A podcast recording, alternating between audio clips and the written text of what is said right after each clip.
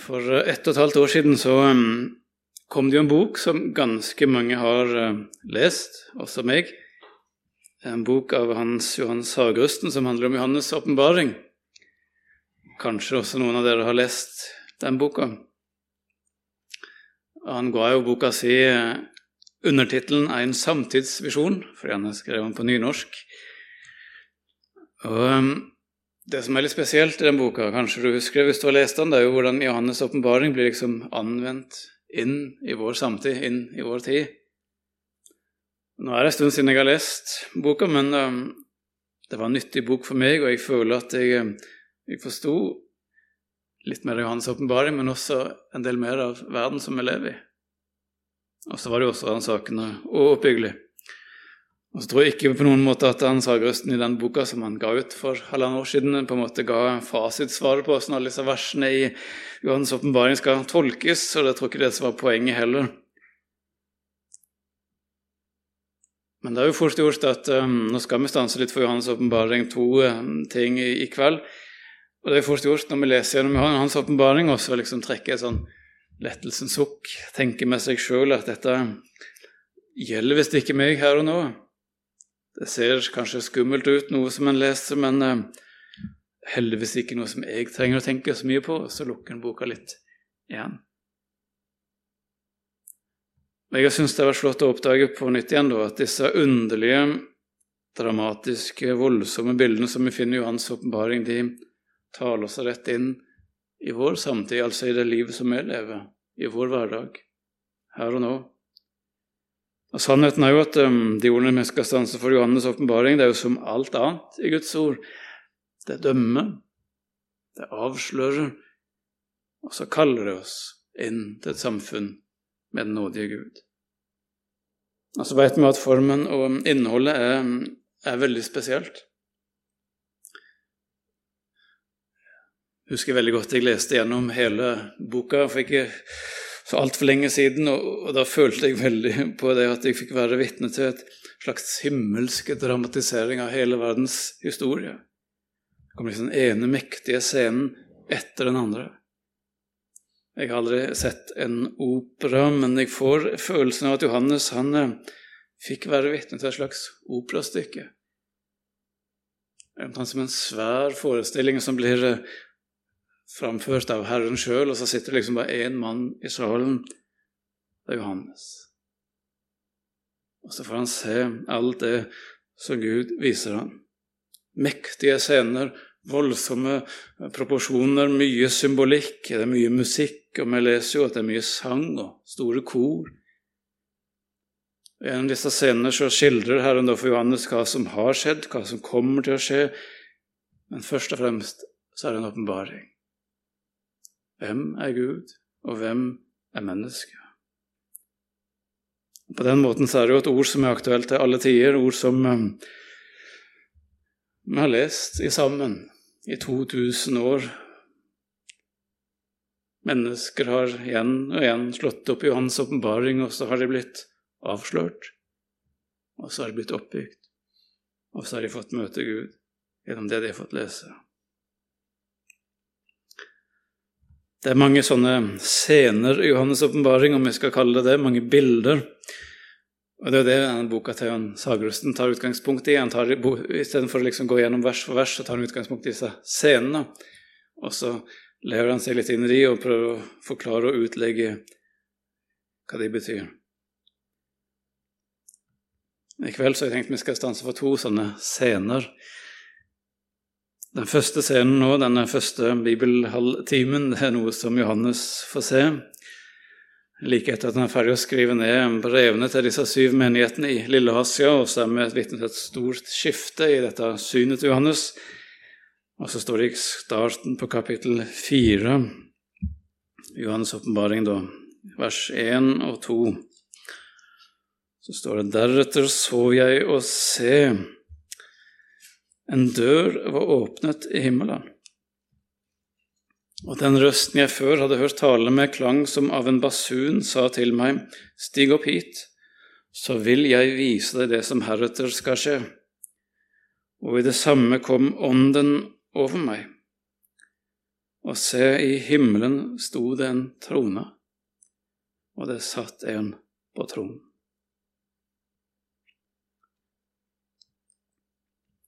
Apostel Johannes han har jo blitt en gammel mann. Han er fanga på denne øya som heter Patmos. I veldig mange år så har han jo sett med fortvilelse hvordan myndighetene de har forfulgt de kristne. Helt i starten av så møter jo de kristne motstand fra jødene. Men etter hvert så blanda jo det mektige Romerriket seg inn, og så stilte soldatene sine til rådighet. Det kan vi lese om i apostelens gjerninger, og da blir det tøft. Hvilke sjanser hadde vel de kristne mot liksom velsmurte krigsmaskineriet som dominerte hele verden? Det burde være lett match. Og i løpet av årene som gikk, så opplever Johannes at den ene apostelen etter den andre han måtte bøte med livet. Og Kanskje Johannes ble frista til å tenke at eh, hadde Gud egentlig kontrollen? Eller var menneskets ondskap for stor? Undervurderte Gud menneskets motstand? Holder Guds plan på å gå i vasken? Er det sånn at Jesus døde forgjeves? Har vi svikta han? som elska så høyt. Det er godt mulig at det var noen sånne tanker som kunne komme på besøk hos Johannes også. Det var mange lyspunkter i hverdagen hans, og han virker på en veldig fin måte gjennomsyra av Guds kjærlighet. Han er en av de som er så tydelig prega og forandra av den kjærligheten han har fått møte hos Gud, men også hos Johannes. Så har det vært strevsomme dager med tørkt mørke, tunge tanker. Derfor syns jeg det er flott å være med og se, og Johannes får se dette synet. Han forteller han dør som åpner seg i himmelen. Jeg har helt sikkert vært ute og gått tur mange ganger og stirret opp på himmelen. Noen dager så er himmelen denne er jo grå, ikke sant? tett skylag. Andre dager så er den skyfri, blå, sikten den er god, du kan se langt av gårde. Men så i hvert fall i Kvernevik så er det sånn at av og til så får vi noen sånne fantastiske dager der skyene slipper lyset igjennom. Ulike skylager, og så ser du sånne åpninger i skydekket, og så skinner det gjennom noen solstråler, masse fargenyanser og kule skyggeeffekter, og himmelen åpner seg opp på en veldig spesiell måte. Og Sånn kan det være med vårt forhold til Gud òg, at noen dager kan være litt sånn grå, kanskje, at det går på det jevne. Kanskje til og med litt kjedelig. Tenker ikke så mye over at det er en allmektig Gud i livet. Andre dager så er himmelen skyfri og blå og lykkelig og glad. Du får takke og prise Gud for livet. Men kanskje de beste dagene er når Gud bryter igjennom på en helt vanlig hverdag. Så sprekker skylaget opp Himmelen åpner seg.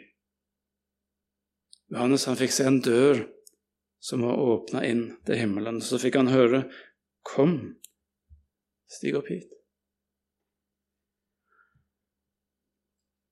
I disse brevene som Johannes skulle skrive, så skulle jo han hilse fra Jesus til menigheten i Philadelphia, og så skulle han si 'Se, jeg har sett foran deg en åpnet dør som ingen kan stenge'. Og så kan det være at han Johannes tenkte med seg sjøl at det, eh, det, var en flott hilsen som den menigheten fikk i Philadelphia. En åpna dør. Ingen kan stenge. Men så får altså Johannes sjøl se en åpna dør. Åpna inn til Gud. Johannes får sjøl gå gjennom den åpne døra.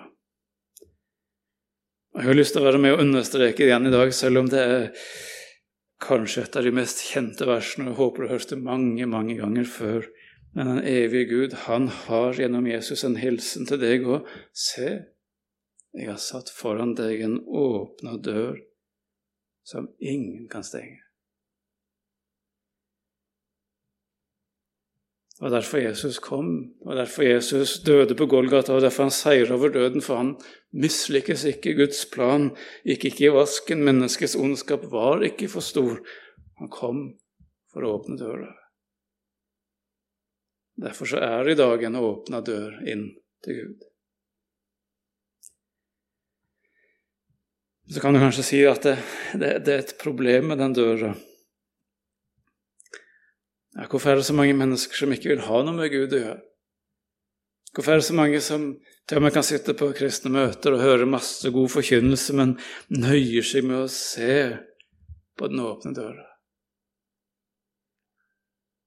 Hvorfor er det så vanskelig å gå igjen? Jeg har tenkt på det, jeg tror det er fordi den døra den står i, i lyset. Og Så kan du se for deg en dør. Rundt den døra så er det gjerne noen sterke lyskastere som lyser opp døra. Bak lyskasteren igjen så er det helt mørkt. Og Sånn er det gjerne med den åpne døra som Herren har satt foran deg. Den, den står i lyset. Du har ikke noe valg. Om du vil gjennom den åpne døra, så må du fram i lyset. Da vil alle oppdage hvem du er, og du vil oppdage det sjøl. Og så er det mennesker som lusker rundt i mørket, ser med lengsel bort på at den åpne døra, men våger ikke å gå inn. Det er så skummel tanke å skru inn i lyset. Kanskje det er en del som sier til seg sjøl at de er fornøyd med å se døra, glade for å oppdage at det, det er en åpna dør inn til Gud. Men så går den ikke gjennom den. Jesus er jo veldig tydelig i Johannes kapittel 3 og vers 20. For den som gjør det onde, hater lyset, kommer ikke til lyset for at hans gjerninger ikke skal bli avslørt. Det kan være vanskelig å komme fram i lyset, det kjenner vi nok til, men døra, den er åpen. Det er velkommen. Du som ikke har noen fortrinn foran de andre, du som ikke er spesiell på noen måte. Gud har åpna en dør for deg.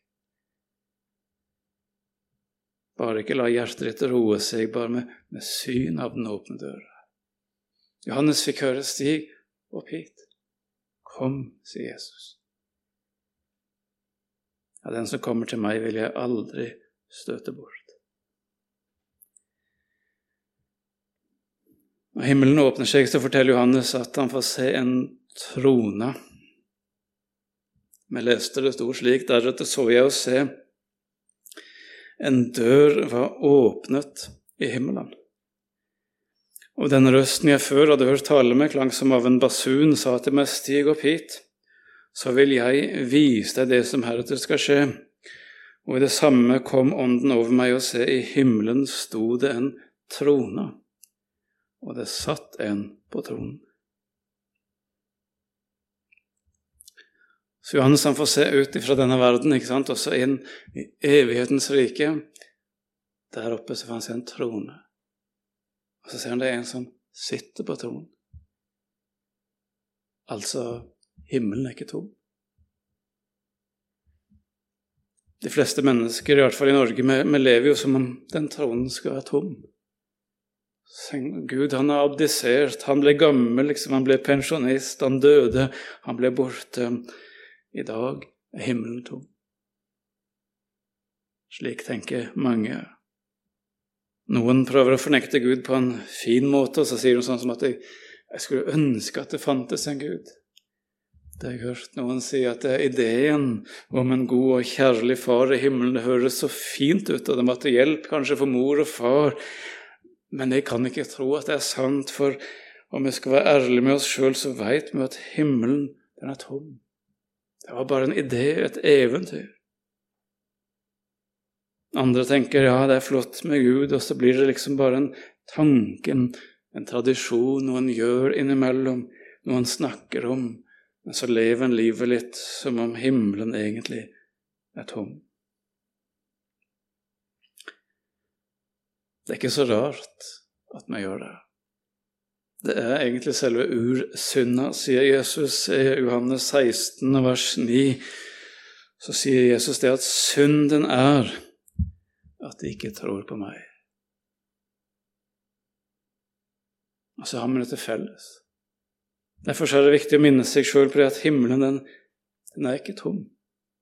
Når Jesus, eh, eller Johannes får se himmelen som åpner seg, så ser han en trone i himmelen. Og så er det en som sitter på tronen. For Johannes ble det jo veldig tydelig i det øyeblikk at Gud han har jo vært på tronen alle dager. Også de dagene han ikke hadde opplevd det sånn, de dagene han hadde blitt urettferdig behandla eller vært plaga med sykdom og smerter og syntes synd på seg sjøl, de dagene han hadde hatt feber og vondt i hodet, de dagene planene hans falt i, i grus Gud hadde vært på tronen hver dag. Hvert eneste sekund. For selv om du skulle tro det eller ikke, se det eller ikke, oppleve det eller ikke, Gud er på trona. Også når dagene er grå, når du ikke ser gjennom en åpen dør, og himmelen virker bare lukka og stengt. De fleste hverdagen til Johannes var nok sånn. De fleste dagene hadde jo ikke himmelen åpna seg på denne måten som vi leser om her, men alle dagene så hadde Gud vært akkurat den samme.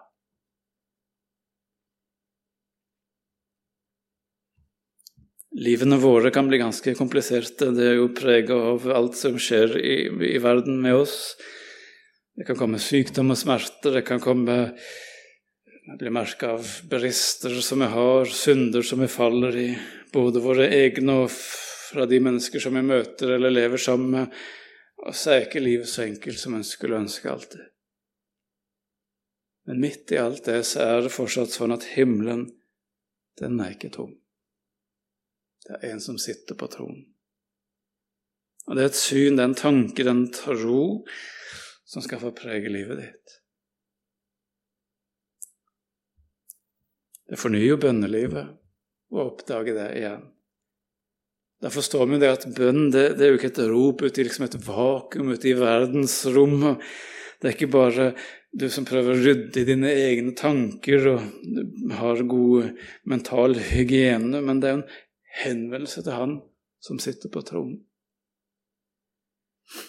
I forrige uke så var jeg i mannsforening med en gjeng som har samles eh, jevnt og trøtt i snart 20 år. og Da leste vi fra Daniels bok og profeten Daniel, og der står det om, eh, om Daniel som, som ber i sin nød til Gud. Han ber for seg sjøl, han ber for Israels Israelsfolket. Og så får han svar.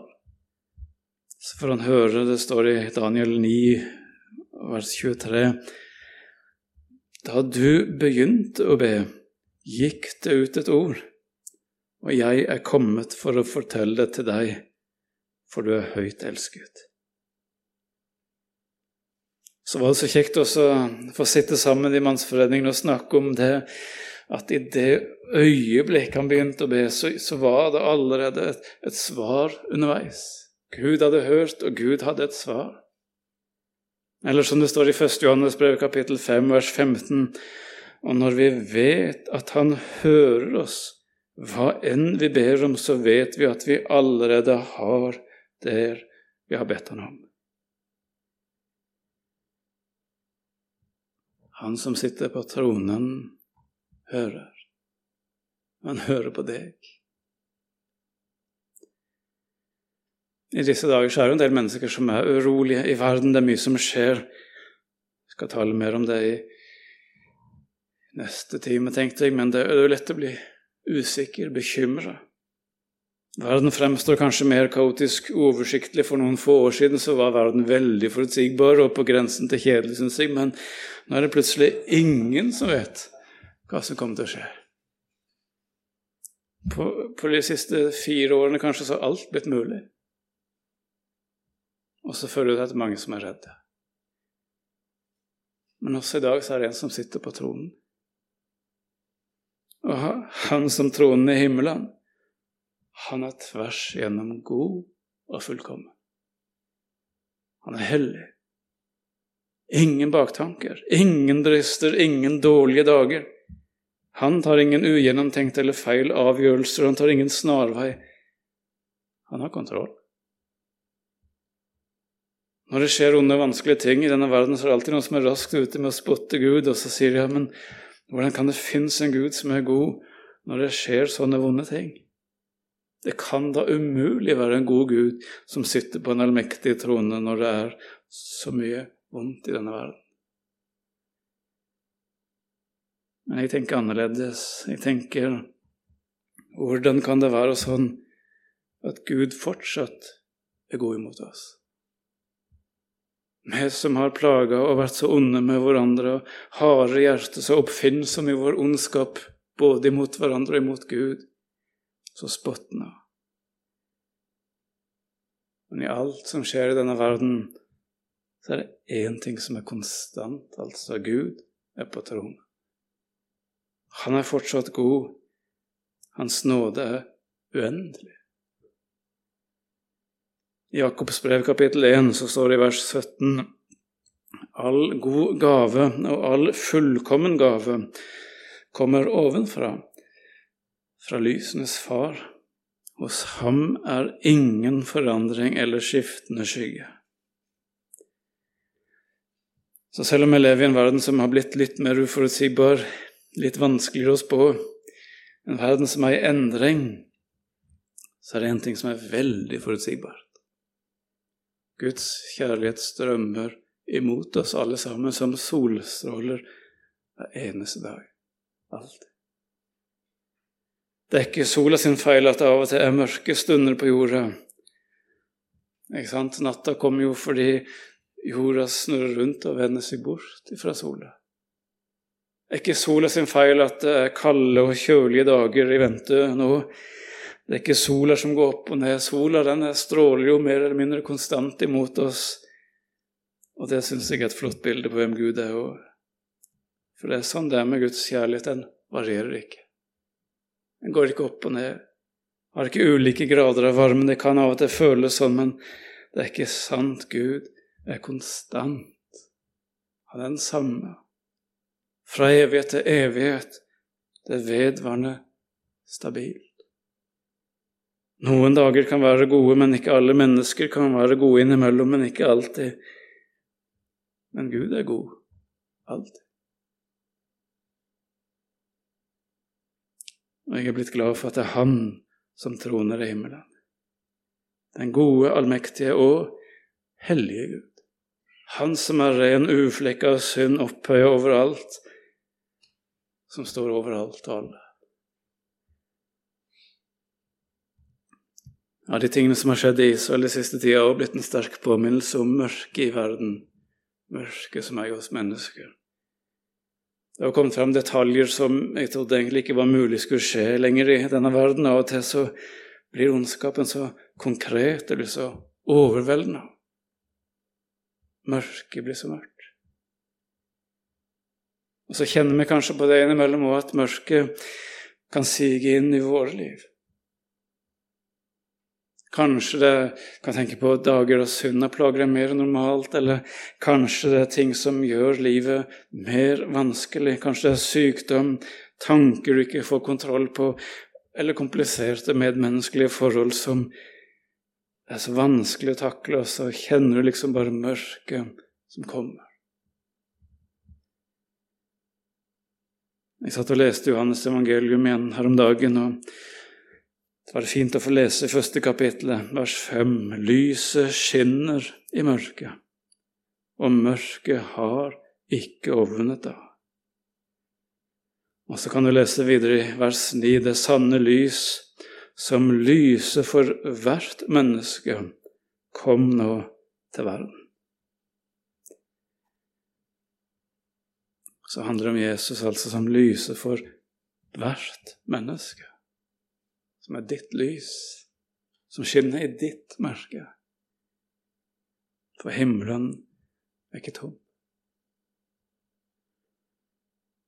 Johannes han får se åssen de tilber Gud ved denne tronen Tilbake i Johannes' åpenbaring, kapittel 4, vers 8, så står det natt og dag roper de uten stans, hellig, hellig, hellig er Herren Gud, den allmektige Han som var og som er og som kommer. I vers 11 står det Verdig er du, vår Herre og Gud, til å få pris, ære og makt, for du har skapt alt, og ved din vilje ble alt til, skapt av deg. Og så skjer det et skifte i det synet som Johannes får se. For foran denne mektige tronen så kommer det fram et lam. Og så skjønner vi at lammet er et bilde på Jesus. Og så står det i kapittel 5, kan lese fra vers 12 og 13 hvordan de begynner å synge om dette lammet. Og så sier de 'verdig er lammet som ble slaktet', verdige til å få all makt og rikdom, visdom og styrke og ære og pris og takk. Og hver skapning i himmelen og på jorden og under jorden og på havet, og ja, alt som fins i dem, hørte jeg si, Ham som sitter på tronen, ham og lammet være takk og ære og pris og makt i all evighet.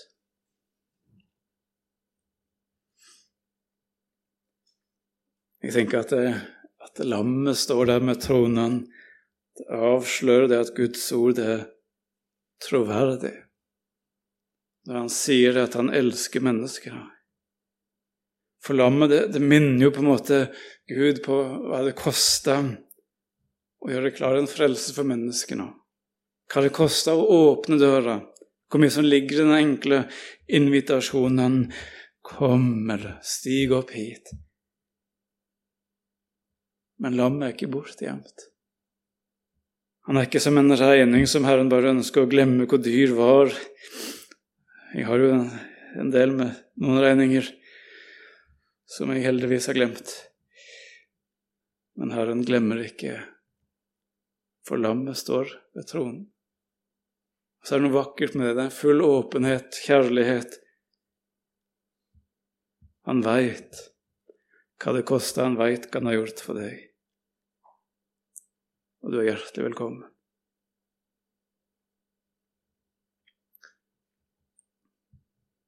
Jeg tror vi trenger, sammen med Johannes, å få oppleve sånne syner innimellom. At himmelen åpner seg opp.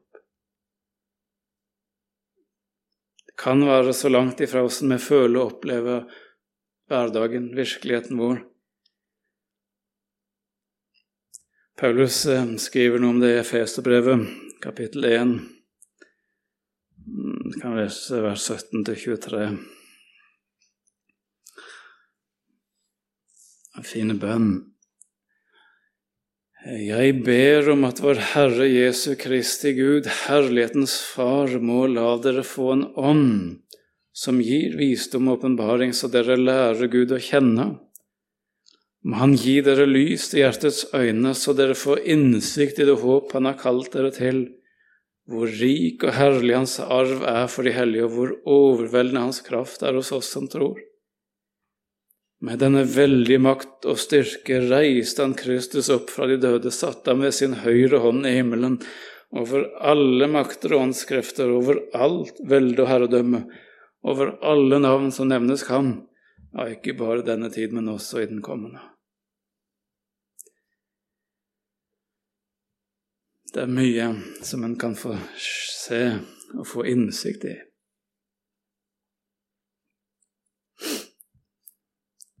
For en god stund siden så leste jeg gjennom en andagsbok. Da hadde vi brukt jeg Hans Edvard Wisløff sin andagsbok gjennom et år.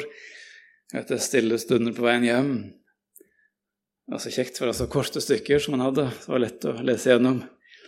Men det var flotte bilder. Omtrent i hver eneste andakt. Og En dag så var bibelordet fra Salme 25, vers 1, der det står 'Herre, jeg løfter min sjel til deg'. Og så skrev han Wisløff på så fin måte at um, da du fikk troens gave, så fikk sjelen din vinger. Og så var det et veldig fint bilde å stanse opp for, for jeg kjente meg igjen. Når ordet åpner seg opp, så er det akkurat som om sjelen flyr opp til Gud. Det var sånn for Johannes når himmelen åpna seg, og så fikk han se en trone i himmelen. Det er sånn Paulus ber om at du også må få oppleve å leve i, at du får se hvor rik, herlig Guds arv er for deg som tror, hvor stort håpet er. Når sjelen ikke har vinger, ja, da blir vi bare opptatt med dette livet. Det er det, det viktigste. Det er det alt du har. Men når sjelen din har vinger, Vinden tar tak i deg og løfter deg opp, du får møte Herren. Ja, da oppdager du enorme skatter i himmelen. Herre, jeg løfter min sjel til deg. Så det var den første scenen vi skulle stanse for i kveld.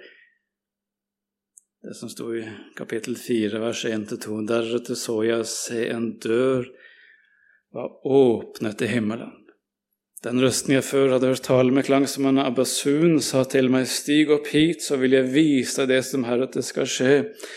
Og i det samme kom ånden over meg, og se, i himmelen sto det en trone, og det satt en på tronen.